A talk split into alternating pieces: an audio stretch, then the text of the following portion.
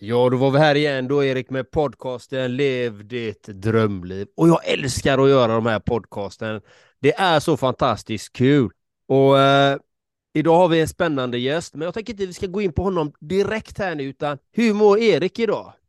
Primal Swede. Det är bra. Det är Primal, the Primal Swede va?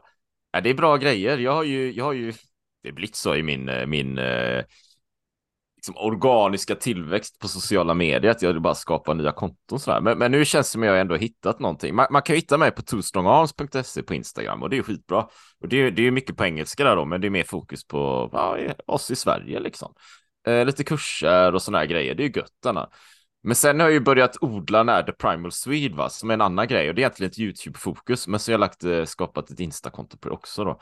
Men där handlar det mer om, eh, om att hitta den här, eh, eller brutalismo som, eh, som du snackade om Andreas, och, och här urkraften och pusha pannbenet och så. Så det är skitbra och jag har ju skaffat en, en ny bil här nu va. Uh, vi får se, kanske blir någon spons på, på den bilen framöver, något med bilmärken och äh, jag vet. Men uh, jag var i alla fall ute här i området, inte så långt bort, en mil bort. Jag brukar cykla dit. Men nu kunde jag bara ta bilen och glassa iväg. Och så sprang jag en mil runt den där sjön, tog ett kallbad efteråt och bara njöt av den här utsikten och spelade in lite schyssta filmer också. Så de kommer dyka upp på Instagram. Alltså det är, det är bra, det är bra med mig. Hur är det med dig? Ja, det är fantastiskt fint. Det har varit en fantastisk dag. Det är en fredag och det är underbart att vi spelar in podden ännu en gång. Och jag vill faktiskt passa på att tacka alla fantastiska lyssnare vi har som lyssnar på våran podd, för den ökar stadigt och den får, vi får mycket feedback på den. Och det känns väldigt, väldigt kul att så många människor har hittat till podden och uppskattar den och faktiskt gjort förändringar i sina liv. För det är egentligen det den här podden är till för, för att människor ska kunna inspireras, motiveras och mm. sen... Have catch yourself eating the same flavorless dinner three days in a row? Dreaming of something better? Well, hello fresh is your guilt free dream come true baby. It's me, Gigi Palmer. Let's wake up those taste buds with hot, juicy pecan crusted chicken or garlic butter shrimp scampi. Mm. Hello Fresh. Stop dreaming of all the delicious possibilities and dig in at HelloFresh.com. Let's get this dinner party started. When you're ready to pop the question, the last thing you want to do is second guess the ring At Bluenile.com you can design a one-of-a-kind ring with the ease and convenience of shopping online. Choose your diamond and setting. When you find the one, you'll get it delivered right to your door. Go to Bluenile.com and use promo code LISTEN to get $50 off your purchase of $500 or more. That's code LISTEN at Bluenile.com for $50 off your purchase. Bluenile.com code LISTEN. Planning for your next trip?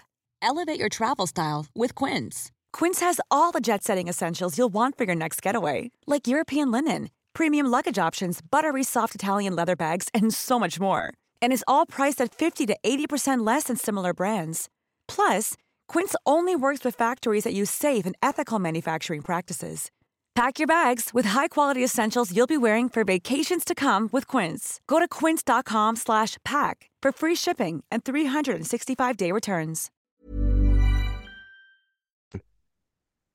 Ta de där viktiga stegen vi alltid Exakt. pratar om. Våga testa nya grejer, våga bryta mark.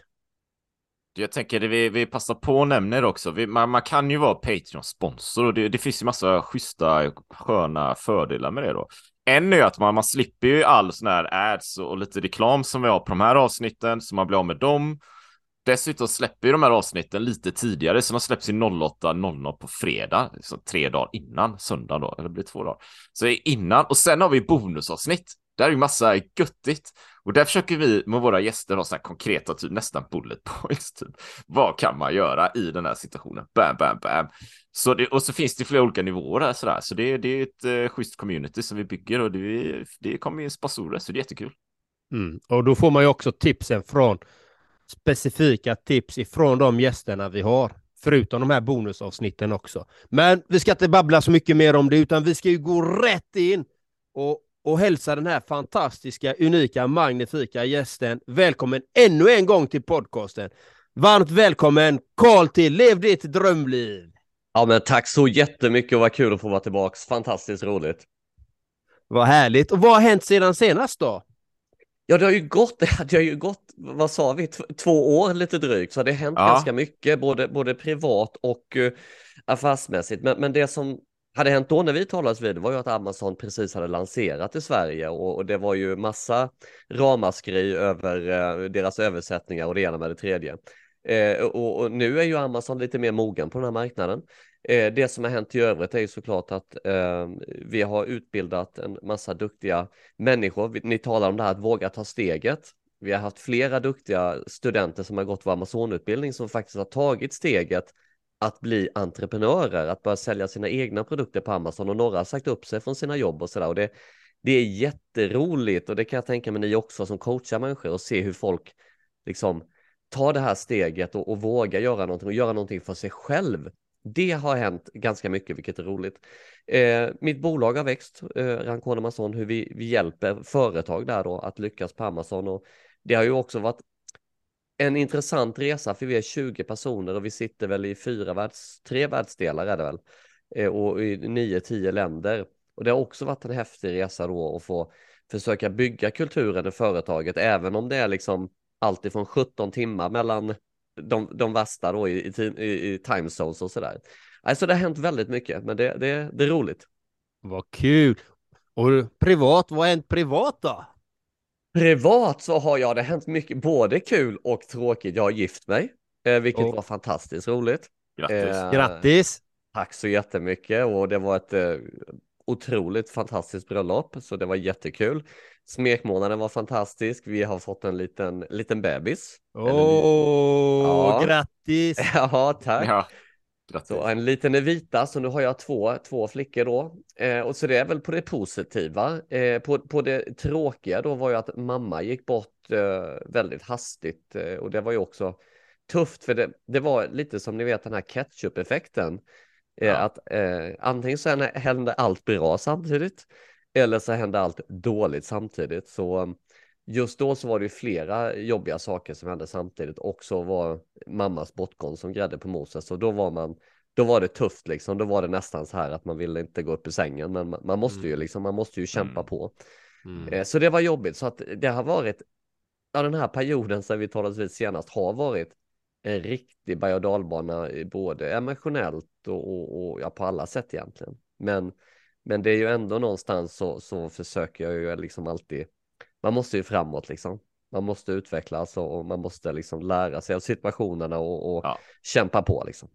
Jag tänkte, jag kan ju nämna bara för kännedom så här, så det är avsnitt 51 för lyssnarna här då. Så vill man känna så här, ja men Karl Helgesson, vad, vad, vad, vem är det? Och jag vill ha lite bakgrund. Så det är avsnitt 51 från 2021, 17 januari, så det är ett tag sedan, alltså det är två säsonger sedan.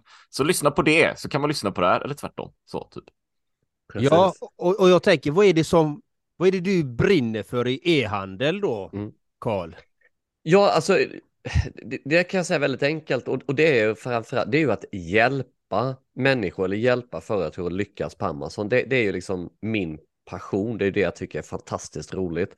Och i, i, i början så var det ju såklart att hjälpa mina egna, jag startade egna varumärken och sålde på Amazon. Det var ju det som var grejen, men någonstans under den här resan så, så lär man sig, eller i alla fall jag tyckte att någonstans blev det nästan roligare att se när jag kunde hjälpa till och se att ah, men det företaget gick bättre på Amazon eller den personen lyckades på Amazon och det var ju det som gjorde att jag gick från att, att ha mina egna varumärken på Amazon till att ta det till nästa steg vilket är då att, att utbilda människor lyckas på Amazon, men också det här med konsultdelen och att vi, att vi hjälper företag att lyckas på Amazon. Och det, eh, det är det jag brinner för. Och, och det kan jag tänka mig ni som, som jobbar med coachning på olika sätt, just det här när man ser då att den här individen eller det här företaget, att den inputen jag gav eller vi gav gjorde att de tog de här stegen och att de växte mm. och, och ja, eh, nådde sina mål. Det är liksom en så otroligt större tillfredsställelse tycker jag än om jag själv skulle sälja hundra mer produkter en dag. Liksom. Det, det är en helt annan tillfredsställelse som, som, som jag tycker är fantastiskt rolig. Då. Det är ju många som är i startgroparna och vill börja med e-handel. Det är ju dropshipping och det är allt möjligt där. Hur ser du på dropshipping och sånt då? Ja, så här, jag, jag är specialist på Amazon, generalist på, eh, på e-handel, så jag skulle säga att alltså, e-handel överhuvudtaget är ju en, en jättemöjlighet för, för alla som vill liksom jobba för sig själv och starta sitt eget och, och, och sådär och förverkliga sina drömmar. Eh, det jag gillar med Amazon om man jämför med, med dropshipping det är ju att när du, all annan e-handel så måste du driva trafiken till din sida där du säljer dina produkter. Ja. Det fina med Amazon är att de har ju redan trafiken.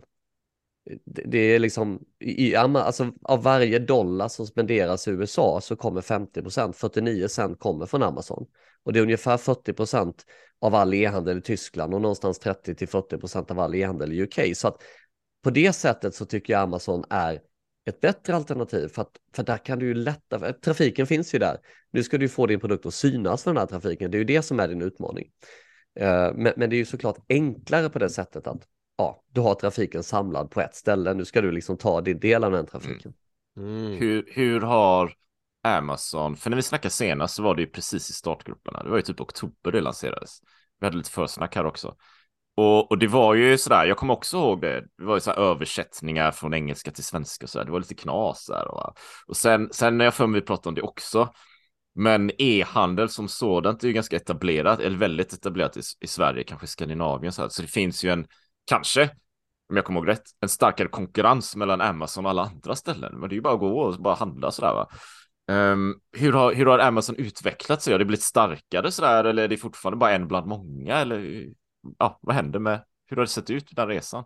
Ja, men det, det är en jättebra fråga och du har helt rätt i det du säger att när, man, när Amazon har lanserat i andra länder, till exempel Amazon Tyskland, Spanien, UK och så vidare, så har ju inte konkurrensen varit på, på liksom samma nivå som den har varit i Sverige. Amazon har ju alltid varit väldigt unika med snabba leveranser, kostnadsfria leveranser och så vidare. Det har ju funnits i Sverige ganska länge.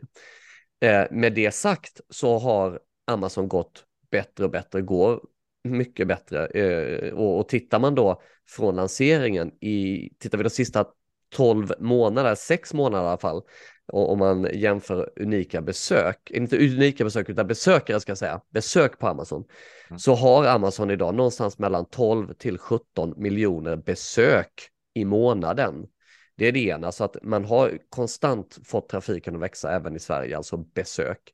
Sverige, Sen om man mm. tittar på Postnords e-barometern så är det ganska spännande att se vad är, vad är favoritföretaget att handla någonstans online? Och då kan man följa Amazon som inte ens var med på listan i början och sen var man någonstans nummer 17 och sen var man nummer 9. Nu är man alltså tredje, topp tre. Eh, så att det går bättre och bättre. Amazon Sverige själva är väldigt nöjda för man har faktiskt slått många av de mål som man har satt upp då. Eh, så att ja, Amazon blir, kommer bli, precis som jag sa i förra avsnittet, man kommer ta en stor del av den svenska e-handeln också.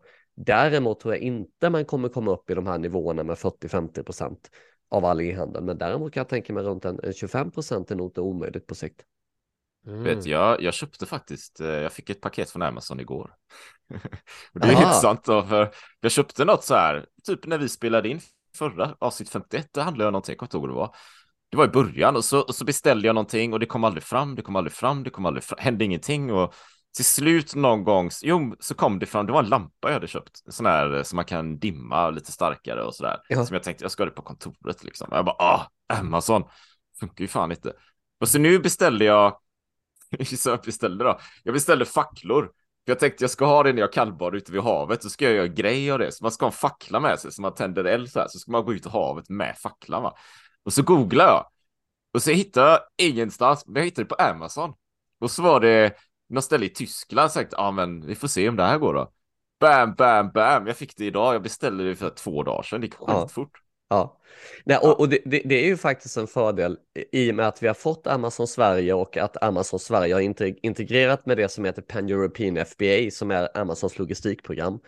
Så innebär det att vi får ju också, samtidigt som det är lättare för, för, en, för dig som vill sälja produkter på Amazon, att du kan skeppa dina produkter till Amazons lag i Eskilstuna och, och i hela Europa, alltså sälja på alla Amazons marknadsplatser i Europa. Så det är väldigt enkelt och kostnadseffektivt. Men det gör ju för dig som kund såklart att när du handlar från Amazon Tyskland, då får du ju produkten nästan lika snabbt som du handlade på Amazon Sverige. Så det, det är himla häftigt.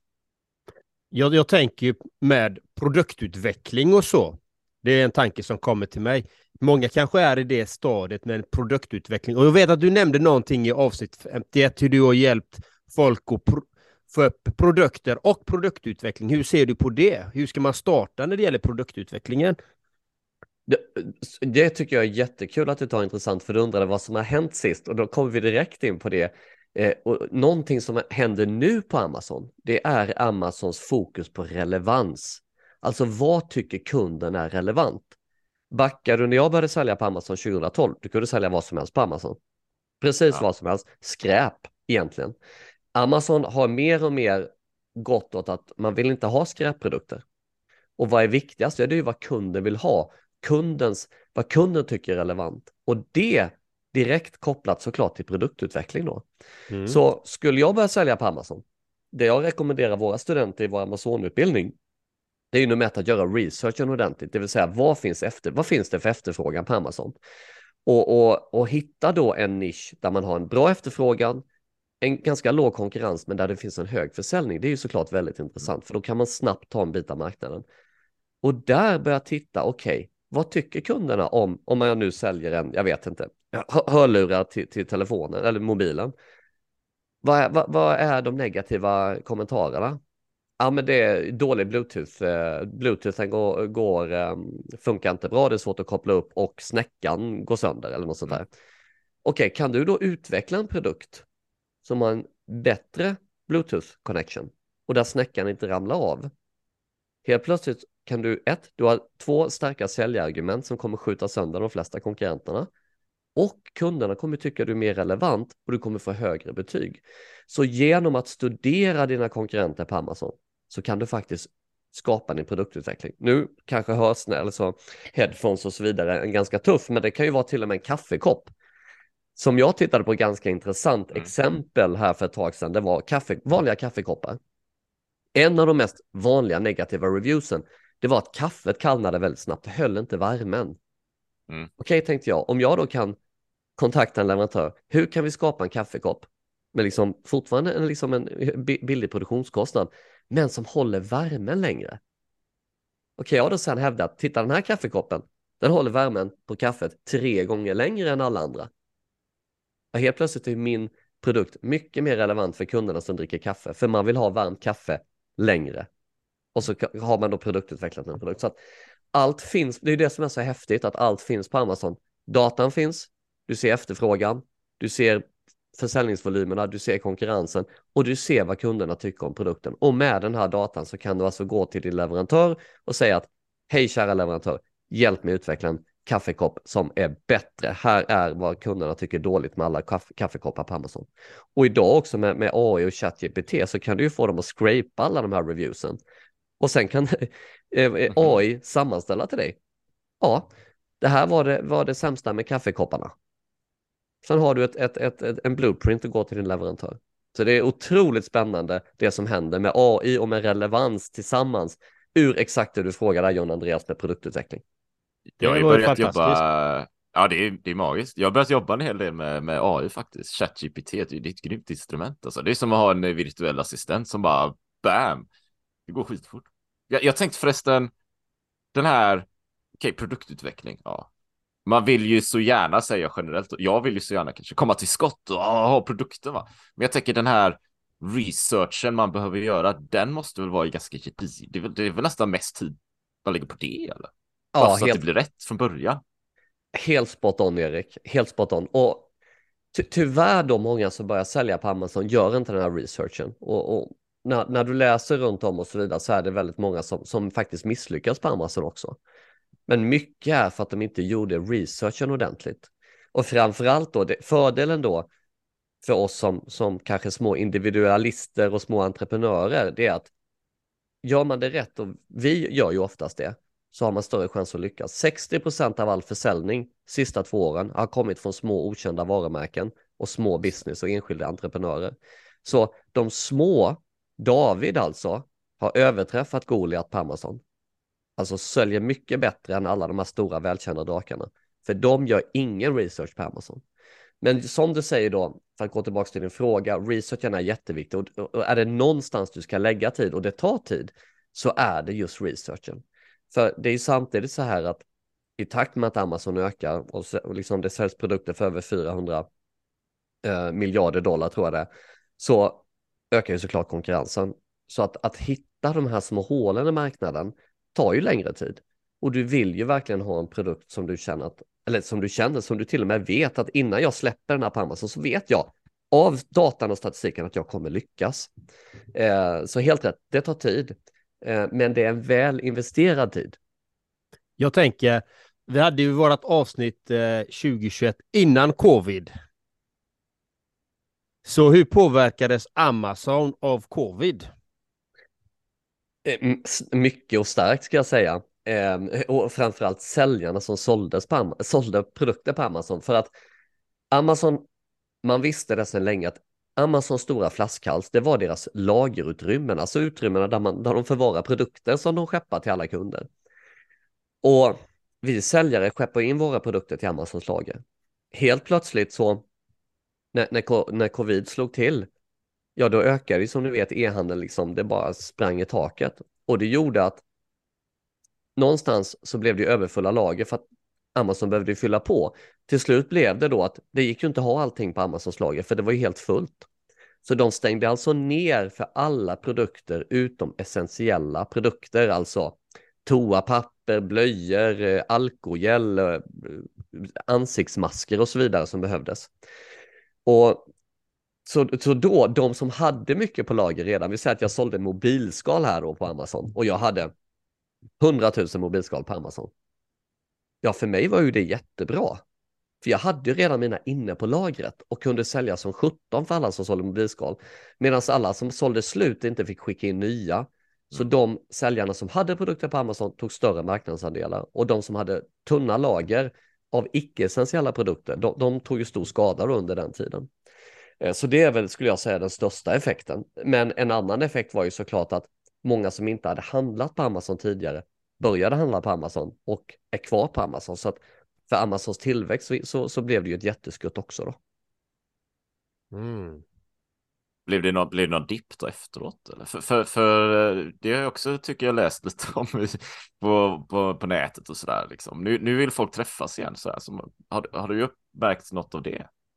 Ja, alltså det, det, tror jag nog generellt, men det är alltså olika för olika produktkategorier. I vissa produktkategorier så kan man se den här liksom piken som kom under, under covid och sen har gått ner till normalt. Men jämför du det som är normalt då med innan covid så är det ju försäljningen fortfarande mycket högre. Ja, så ja. även om du har, det har gått ner från covid så är tillväxten och efterfrågan och försäljningen högre än innan covid. Amazon växer ju konstant liksom. Det är ju som ett, ett mm. stor, en stor snöboll som bara rullar, rullar sig större liksom. Vi, vi, vi, jag kommer inte ihåg om vi kom in riktigt på det, men vi vet ju när vi hade samtalet med dig sist att din, din resa började med Amazon i USA. Yes. Yes. Och hur kom du då in? Jag kommer inte ihåg om vi sa att hur du kom in att börja just med e-handel. Vad var din inkörsport till e-handel? Det, det beskriver, jag, jag har ju släppt en bok, det glömde jag ju säga också, Lyckas på Amazon. 300... Precis, den får du inte glömma! Glöm inte den. Nej, den 320 sidor om Amazon och min resa och jag beskriver det i boken faktiskt, men, men det var faktiskt en slump, John Andreas. Det var, jag hade, jag, jag var entreprenör länge i Stockholm eh, och drev en eventbyrå som hette Occasion på den tiden. Och efter nio år så tröttnade jag lite på det och sålde av mina andelar, flyttade hem till Värnamo och började jobba som tillväxtstrateg på kommunen faktiskt. Och eh, skulle då tala med någon som jobbade, för digitalisering var ju såklart en viktig del i, i tillväxten i kommunen. Och jag träffade en, en kunnig person, en kvinna som heter Helen på lunch. Och hon sa då att jag måste bara koppla upp mig, jag har min laptop här, jag hoppas det är okej. Okay. Jag sa inga problem. Sen märkte jag, jag blev lite irriterad så här under lunchen, för hon satt ju hela tiden och kollade på den här laptopen. Så till slut frågade jag, vad är det du kollar på? Och då sa hon, nej men det, du vet jag säljer tvättpåsar på Amazon. Jaha, tänkte mm. jag, det, det lät ju väl sådär liksom. Ja, men du vet, jag har så otrolig försäljning så att jag, jag jag måste bara kolla, det är så spännande. Och så vände hon och så såg jag den här enorma, jag kommer kom inte ihåg hur mycket pengar, det var väldigt mycket pengar hon sålde tvättpåsar för. Jag tänkte, så är det här sant? Ja, det är sant. Och så visade hon på Amazon och då blev jag jätteintresserad.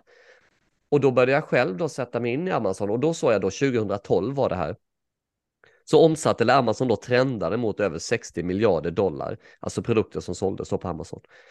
Ehm, och så jag såg Amazon som den här stora sockerkakan och började tänka, okej, okay, en stor sockerkaka värd 60 miljarder dollar, alltså 600 miljarder kronor.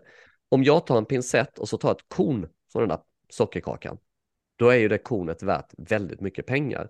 Och det var tack vare att jag, hon hade visat på sin screen då som gjorde att jag blev intresserad, började utbilda och sen så släppte jag mina första produkter där 2012. Och sen på den resan är det då. Så att eh, det var det som fick mig, alltså, vad ska man säga, det här berömda bananskalet, jag halkade in på det helt enkelt. Och du lärde dig by learning by doing då? Nej, jag insåg att även då med Amazon var väldigt mycket enklare så förstod jag på det jag kunde, jag gick med i olika grupper och forum och märkte att okej, okay, de som lyckas på Amazon är de som utbildar sig. De som inte lyckas, det är de som testar, testar sig fram, för det tar längre tid. Idag skulle jag säga att testa sig fram är inte alls bra för att Amazon har haft sedan många, många år något som heter det Amazon Honeymoon Period, alltså smekmånaden, så att när du släpper en produkt på Amazon, då kommer Amazons A9-algoritm, det är den som bestämmer vad dina produkter rankar.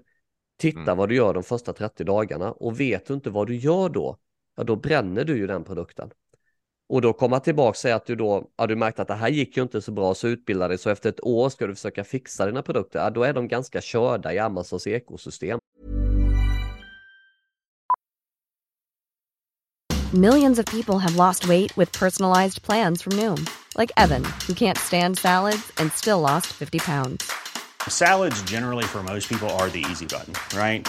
For me, that wasn't an option. I never really was a salad guy. That's just not who I am. But Noom worked for me. Get your personalized plan today at Noom.com. Real Noom user compensated to provide their story. In four weeks, the typical Noom user can expect to lose one to two pounds per week. Individual results may vary. Ever catch yourself eating the same flavorless dinner three days in a row? Dreaming of something better? Well, HelloFresh is your guilt free dream come true, baby. It's me, Gigi Palmer. Let's wake up those taste buds with hot, juicy pecan crusted chicken or garlic butter shrimp scampi. Mm. Hello Fresh. Stop dreaming of all the delicious possibilities and dig in at HelloFresh.com. Let's get this dinner party started.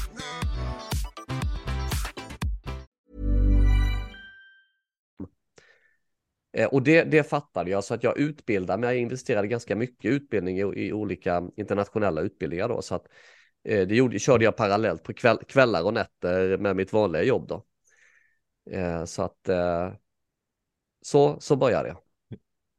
Hur, eh, hur känslomässigt knuten ska man vara till den produkt som man vill sälja? Jag tänker så här, jag är jag, jag tror jag pratade om det här förra avsnittet också. jag tänkte, det är värt att nämna, vet. Man har sådär, jag vill ha cykelkläder. Det är min grej. Det är the shit liksom. Ja. Jag vill sälja på Amazon. Men då är ju risken här, tänker jag, att jag är redan inlåst i att jag ska ha den här grejen och det kanske är en skitmarknad på Amazon. Det finns hur mycket som helst. Konkurrensen är stenhård, liksom knivskarp. Eller så ska man vara med så här, skit i cykelkläderna. Jag vill ju dra in cash här, jag vill dra in kosing. Jag ska sälja kaffekoppar som håller värmen, som, som du sa då, för det ja. finns inga sådana. Men jag, jag, jag, jag är egentligen inte intresserad av produkten, liksom. jag vill ha cykelkläder. Då. Men, men det finns ju någon pendel där, hur, hur ska man tänka där? Man ska tänka exakt som i scenario två. Du ska helt gå efter Amazons data. För, för att Amazons data är den som säger var du kommer lyckas. Eh, eh, och, och likadant att säljer du produkter som du blir väldigt fäst vid, så kanske du också tar andra, du, du kan ta beslut på känsla istället för på data.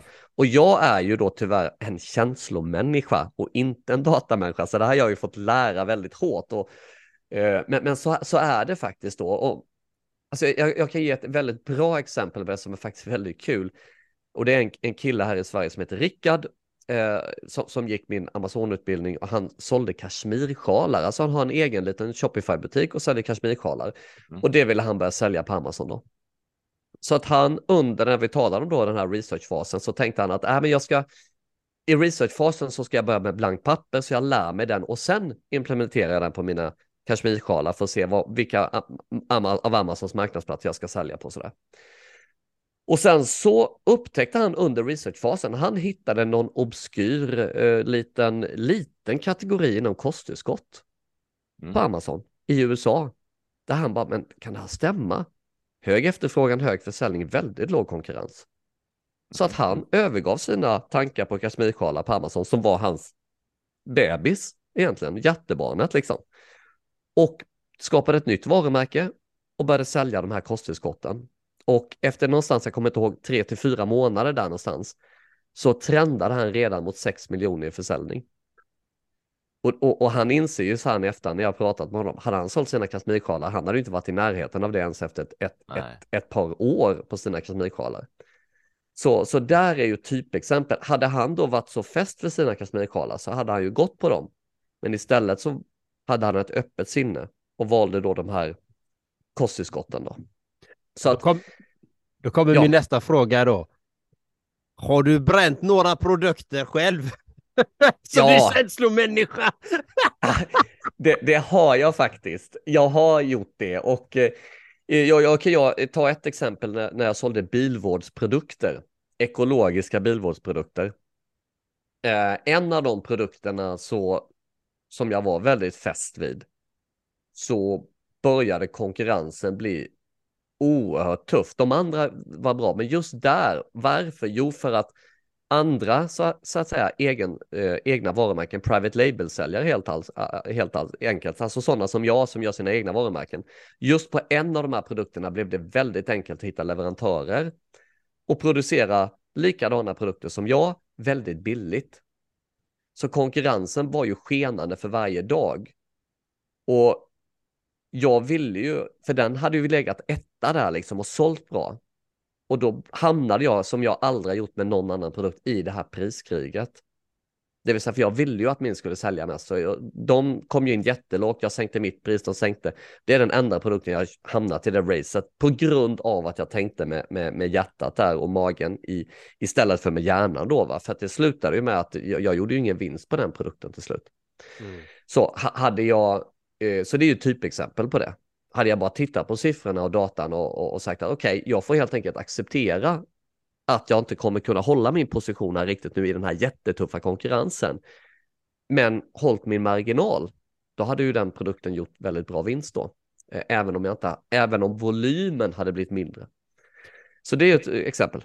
Jag tänker på, jag har två frågor som är, men det finns ju, om man säger de stora drakarna, de, de gör ju många gånger så att de faktiskt dumpar priset i, vi säger, tre år bara för att vinna marknadsandelarna där.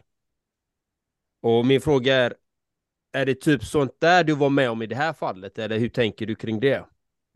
Ja, i det här fallet var det väl just att den, just den här produkten var ju, jag producerade min i USA så jag hade ju en fördel, Made in USA kunde jag ju sätta på min på Amazon.com, vilket såklart är väldigt bra, medan konkurrenterna producerade i Kina.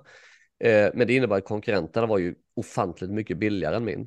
Eh, så, så, det var ju framförallt där, eh, så att säga, prisdumpen kom in då, om man säger så. Det var ju inte för att de dumpade priserna, utan det var för att deras tillverkningskostnad var ju liksom eh, cent på min dollar kan man säga.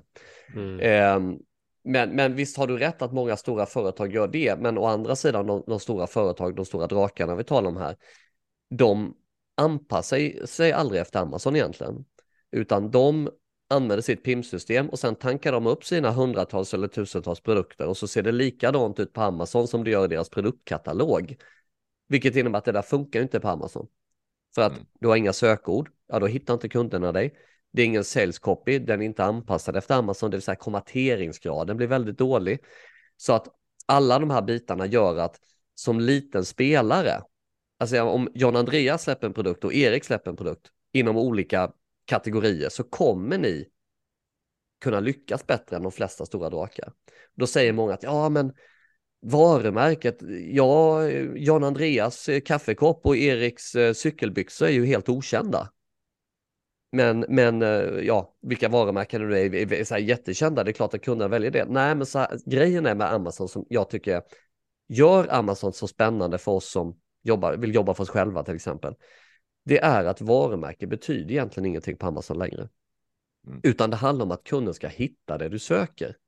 För en av de största anledningarna att kunderna att Amazon är så populärt, det är för utbudet av produkter. När Amazon öppnade i lilla Sverige, som fortfarande är en väldigt liten marknadsplats på Amazon, så fanns det 150 miljoner produkter. och har bara ökat sedan dess. Så kunden vet att när jag söker efter cykelbyxor eller kaffekopp, då kommer det finnas en massa cykelbyxor eller en massa kaffekoppar att välja på. Um, men har man då inte gjort saker rätt som de stora varumärkena gör, det vill säga att det finns inga sökord, då dyker det ju inte upp i sökresultatet. Medan jag som liten spelare, Erik med sina cykelbyxor och Jan Andreas med sin kaffekopp, ni kan jobba med massa sökord. Så när jag som kund söker så dyker de upp. Och för att ta ett exempel då, 80% av alla köp på Amazon kommer från produktrelaterade sökord. Alltså man har sökt på produkten, inte varumärket, inte problemlösning. Så det innebär att om jag vill köpa ett par, par gympaskor så söker jag efter, vi säger att jag är i USA, jag söker efter running shoes. Jag ska köpa Nike mm. running shoes, mm. men jag söker efter running shoes. Om inte Nike dyker upp på de första sidorna så är eh, chansen, eller alltså, kunden då kommer inte köpa Nike, utan då köper man Asics eller Rebook eller något annat som finns på, på sidan 1. Man gör alltså inte om sökningen. Eh, så därav så tappar också många stora varumärken för de tror att det räcker att jag heter Nike. Eh, och det är det som gör att David kan slå Goliat. Så, att, så som jag ser det så är egentligen Amazon förmodligen den enda marknadsplatsen i världen där man faktiskt som helt okänd liten spelare kan slå de stora drakarna. Men tänk, för tänker, att... Precis, tänker jag rätt här då, Karl? Till exempel, för, för det, det, det du berättar här nu, då är det ju det är produkten. Folk är ute efter produkten, inte varumärket. Så där, där har man ju fördel med en produkt och, och gör, eh, gör eh, rätt sökord och så vidare som har en fördel. Eh, och då går man dit och söker för produkten. Men då kan man ju tänka sig så här, till exempel Gentleman's coach eller Two Strong Arms to Primal Swede och vi tänker, men vi har ju ändå ett varumärke liksom. Och så lägger man upp våra grejer på Amazon och då tänker då går vi i samma fälla egentligen som de stora drakarna kanske. För folk kommer inte söka på Gentleman's coach eller Two Strong Arms kanske på Amazon, utan de kommer ju söka efter jag vet inte, en kaffekopp då. Och så råkar det bara vara så att Gentleman's coach, han har en kaffekopp där det står du är brutal, du är magnifik, mata på till exempel. Då kanske de köper det för det, den anledningen, men inte för att det är att de söker Gentleman's coach på Amazon. Är yes. det jag tänker? Ja, och, och det finns ju två delar av det svärdet då ju. Det ena är att det finns ju de som är verkligen raving fans. Mm. Alltså de här över de här 80 procenten, resterande, de som söker faktiskt efter varumärkena eller problemlösningarna, de, de delar på resterande 20 procent där. De kommer ju bara söka efter Gentleman's coach eller efter eh, strong arms eller efter Nike eller vad det nu är. Eh, men sen har du då den andra sidan. Det är ju att ja, Amazon, där spelar varumärken ingen roll, men du kan bygga ditt varumärke. Så och är du ett helt okänt varumärke idag genom att du har bra positioner på Amazon där kunden söker på de viktiga sökorden. Mm. Vad innebär det? Jo, en massa trafik ser dig. Du kommer sälja mycket produkter. Vad händer då? Jag säljer du kvalitativa produkter, produkter som kunden gillar. Då kommer de komma tillbaks för att köpa mer av ditt. Och den som är smart då driver den här trafiken till sin egna hemsida. Så när jag köper Gentleman's coach fina kaffekopp så ligger det en flyer där i. Hej underbara du! Du vet väl om att jag kan coacha dig så att du får, kan leva ditt drömliv. Eh, gå in på den här adressen och här har du 15% på din första coaching. Så jag som köpte koppen blir intresserad och går då in på, på John Andreas sida och bokar in mig på en coaching. Så det finns alltså sätt att nyttja Amazons kraft i trafik för att bygga ditt varumärke. Så länge såklart du har, du har en produkt du säljer som, som kunden tycker om. Då. Så det finns möjligheter. Och om man tittar på de varumärken jag själv byggde då, så la jag exakt 0 kronor och 0 öre på mina webbplatser. Men ju mer jag sålde på Amazon, desto mer sålde jag på min hemsida. Sen hade jag kopplat ihop Shopify med Amazon, så jag hade ju inte två lager, utan kunden visste ju inte att de egentligen köpte från Amazon, men de köpte från hemsidan. Ja, Fördelen för mig var att jag slapp ju betala kommissionen till Amazon. Så jag hade alltså en, en, en, en insert så att kunderna kom med i, i min alltså produktgaranti. De fick längre garanti. Då kom de med på min e-maillista. Jag kunde marknadsföra min hemsida och kunde börja sälja produkter därifrån som redan fanns på Amazon. Men där jag fick större marginal eftersom jag slapp Amazons kommission. Och den försäljningen ökade ju för, för varje månad när min försäljning hade ökat på Amazon så ökade den på hemsidan. Och så mm. de här raving fansen, de som gillar det du gör, kan du driva tack vare Amazon till din hemsida. Det var smart. Du är, är du är riktigt smart ma marknadsstrateg. Strateg. Ja? Ja, men det, är det, gäller ju vara, det gäller ju vara, men det gäller ju vara lite smarta då, Karl, som du, eh, som du är då, uppenbarligen. Det, det gäller att tänka till här liksom, att ha den här balansen mellan den här känslomässiga insatsen, att jag vill ha de här cykelkläderna för jag brinner för dem. Eh, och den här mer objektiva grejen med kaffekopp. Jag, jag, jag bryr mig inte så mycket med kaffekopp, men att slå ihop de här två, göra en kombo liksom. Det är inte cykelkläder jag ska sälja, men jag ska sälja någonting som har med min grej att göra. Ja. Så kanske det är en kaffekopp där det står liksom, precis som vi snackade här egentligen, du är brutal, eller i mitt fall hittade nu kraften någonting. Så ja. att de här grejerna ändå hänger ihop, fast det är lite Exakt. mer objektivt kanske. Ja, och man kan också göra så här att du kanske vill sälja cykelkläder för du brinner för cykling, men det kanske inte är om du gör din research ordentligt, men fokusera på kategorin cykel och cykling, mm. då kanske du ser att huh, cykelkläder, som du sa, här finns 100 000 konkurrenter som säljer cykelbyxor. Eh, alla har 10 000 reviews, jag kommer börja på noll, ah, det här blir tufft. Men cykelpumpar och cykelhandskar, här har jag möjlighet att komma in. Mm. Sen kan du ju fortfarande sälja cykelkläder, men det gör du på din egna hemsida då. Mm, dit du har lockat dem. Ja. Exakt! Där du lockar dem från Amazon. Så då får du ju det här liksom, den här cykeln. Ja, jag fattar. Cirkeln sluts liksom. Ja, vad mycket värde, vad mycket värde. Men jag ska komma tillbaka till min fråga, för jag sa ju att jag hade två frågor. Ja. Jag kommer ihåg det. Och det fick Jajamän. bara en. Jajamän. Hur, vad är en godkänd marginal för säljaren på Amazon? Bra. Ja, tack för att du säger den, för att någonting jag också, du frågade i början, vad har hänt sen sist? Ja, någonting jag sett mer och mer, det är hur mer och mer företag säljer med minus på Amazon, för de inte har koll på det du frågar nu. Man har inte koll på marginalerna och det är ju jätteviktigt. Så vad är en okej okay marginal? Jag tycker så här, nummer ett, det, det beror ju så på såklart någonstans ditt, liksom vad du behöver för liksom, ska, ska pengarna gå bara att återinvestera nya produkter för att växa ditt företag? Eller ska de också täcka din lön och ska de täcka eh, kontorshyror och allting? Det måste man ju ha i, i åtanke, men någonstans skulle jag har jag, om man tittar på mina egna varumärken jag startade, gick jag aldrig under 22 procent. Det var mitt absoluta minimum. Och då menar jag, när Amazon betalar ut med pengarna, då ska det ha täckt produktionen av produkten, produktionen av förpackningen och, och designen av den, transporten till Amazon, Amazons kostnader och vad är de? Jo, det är ungefär 15 i kommission på det du säljer.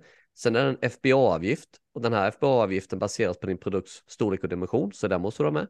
Returerna. Här glömmer många att det är returer på Amazon också. Mm. Hur ser den bilden ut? Ja, den baseras också på egentligen storlek och dimension. Eh, och, och sen vad har du för returgrad? När du har de här delarna och sen Amazons lagerhållning som är eh, i och för sig ganska liten, men det är en gång i månaden. Och sen ska du ha marknadsföring. Du behöver kunna försälja dina produkter. Vi rekommenderar normalt 15% att du lägger 15% av din omsättning på marknadsföring. När du har alla de här siffrorna, ser du då att oj, jag ligger på 9% då hade jag inte lanserat. Men en sak man inte, eller man inte ska glömma med det här är att om du är din egen och du skapa ditt egna varumärke eller ha ditt egna varumärke idag, då bestämmer ju du dina priser på Amazon. Så ser du att jag kan inte sälja den här kaffekoppen för 100 spänn på Amazon, för jag får bara 9% marginal. Men säljer jag den för 150, ja oj, jag får helt plötsligt 30% marginal. Det är klart att då ska du sälja den för 150. Så att eh, det är det jag gillar med Amazon också, att när du är din egen så sätter du dina egna priser. Då kan du själv bestämma din marginal också. Jag gillar dessutom att sätta premiumpriser, för jag, gillar, jag vill inte vara med i priskriget som jag var med en, en gång med en produkt. Eh, alla andra varumärken och de andra produkterna jag jobbat med har jag alltid varit en av de dyraste varumärkena på sidan 1 där jag har rankat. Då. Vad, vad gör det mig? Jag, ett, jag får ju såklart bättre marginaler, eh, tjäna mer pengar, men framförallt ger det mig också en möjlighet att när konkurrensen blir tuffare periodvis, ja då kan jag lägga in en, en deal eller en, en försäljningsrabatt under en viss tid som verkligen pushar upp mig eh, högt igen om jag nu skulle tappa i ranking till exempel. Eller jag kan vara aggressivare på annonser om jag behöver det under tid eller jag kan driva extern trafik. Så genom att vara vara premium och vara lite dyrare men ha bättre marginal så får jag också större utrymme att kunna agera beroende på vad som händer i omvärlden. Då. Riktigt bra. Riktigt, riktigt bra. Det är ju fantastiskt. Och jag tänker så här. Vi närmar ju oss eh, Patreon-delen här och det, då, då går vi in specifikt för våra Patreon-lyssnare. Jag tänker, för de lyssnare som fortfarande är kvar, har du något sista tips till dem som du kan ge, som du vill dela med dig av till dem innan vi går in i Patreon-delen? Ja, absolut. Men, men det, något sista tips är ju såklart, ja, ska, det här, som man säger så här, om du vill vara din egen och du inte är det då och jobba för dig själv så är Amazon en fantastisk möjlighet för det ger det jag älskar med att vara Amazon-säljare och, och de som har gått min utbildning när jag ser det här, det är just att du kan jobba ifrån vad du vill, när du vill, hur du vill, så länge du har tillgång till internet och du behöver en laptop eller en mobil. Det tycker jag är fantastiskt. Och tipset är ju såklart att gör Amazon, men gör Amazon rätt. Skaffa dig utbildning, läs på. För gör du det bra från början, då kommer det gå bra, för då vet du hur du ska agera. Eh, att, att, att bara slängas ut och inte göra det riskerar du att tappa massa pengar på. Det, det vill, vill ju ingen göra liksom. Men jag rekommenderar verkligen Amazon för dig som, som antingen har ett eget varumärke eller vill jobba för dig själv. Då är Amazon den rätta plattformen för dig att vara på. Oh, jag kan ju fint. lägga till eh, eh, bara som eh, sidonotis, det är intressant för lyssnarna också. Jag nämnde det i förra avsnittet. Jag, jag skrev ett gäng e-böcker för länge sedan, 2015 typ. Sen har inte jag lagt krut på det eh, på oerhört länge, sedan dess va. Men jag får ju fortfarande e-mail-notiser emellanåt. Ja, nu har du fått en utbetalning från de här böckerna. och det, det är ju pengar liksom. Det är, för, ja. det är så här lite. Men poängen är ju att, jaha, men då skrev jag ju 2015 liksom. Jag har ju glömt bort de där. Men det är fortfarande pling, pling, pling. Ja, men då, då, lyfter du en sak som vi inte har talat om som kan vara det sista tipset för alla lyssnarna då. Det är ju att man behöver ju inte bara sälja så att säga fysiska produkter som du producerar och skickar, skeppar in till Amazon. Du kan göra som Erik att du skriver böcker och säljer på Amazon. Det kan vara how to eller så här lyckas du med din cykling eller vad det nu kan vara. Men du kan, för dig som är mer konstnärligt lagd kan du jobba med något som heter Amazon Merk. Det vill säga att du jobbar med olika häftiga logos eller, eller, eller eh, snygga eh, konstnärsmotiv. Det kan vara målningar, det kan vara foton. Och sen så säljer du det på Amazon Print on Demand. Det vill säga att du har inget lager, du producerar inget, ingenting överhuvudtaget. Du säljer ditt tryck, sen väljer du vad Amazon ska trycka på. Ska det vara en kaffekopp, ska det vara en t-shirt, ska det vara en hoodie? Mm. Och sen säljer du det. Det fina med det är att du har noll lager din insats var den här fina målningen du gjorde eller det här coola fotot du tog på eh, i, i Brooklyn när du var där på resa. Det säljer du på Amazon. Det är snyggt. häftigt. Det var snyggt värde ut till er lyssnare ute i eten av Karl Helgesson på Rancone! Precis. Så tack för att ni lyssnade och följ era drömmar och våga utmana er själva. All kärlek och välgång till er. Ha det gott så länge. Ha det gott. Ever catch yourself eating the same flavorless dinner three days in a row? Dreaming of something better? Well, HelloFresh is your guilt-free dream come true, baby. It's me, Gigi Palmer. Let's wake up those taste buds with hot, juicy pecan-crusted chicken or garlic butter shrimp scampi. Mm. Hello Fresh. Stop dreaming of all the delicious possibilities and dig in at HelloFresh.com. Let's get this dinner party started. Planning for your next trip? Elevate your travel style with Quince. Quince has all the jet setting essentials you'll want for your next getaway, like European linen, premium luggage options, buttery soft Italian leather bags, and so much more. And is all priced at 50 to 80% less than similar brands. Plus, Quince only works with factories that use safe and ethical manufacturing practices. Pack your bags with high-quality essentials you'll be wearing for vacations to come with Quince. Go to quince.com/pack for free shipping and 365-day returns. Mom deserves the best, and there's no better place to shop for Mother's Day than Whole Foods Market. They're your destination for unbeatable savings, from premium gifts to show-stopping flowers and irresistible desserts. Start by saving 33% with Prime on all body care and candles. Then get a 15-stem bunch of tulips for just $9.99 each with Prime. Round out Mom's menu with festive rosé, irresistible berry chantilly cake, and more special treats. Come celebrate Mother's Day at Whole Foods Market.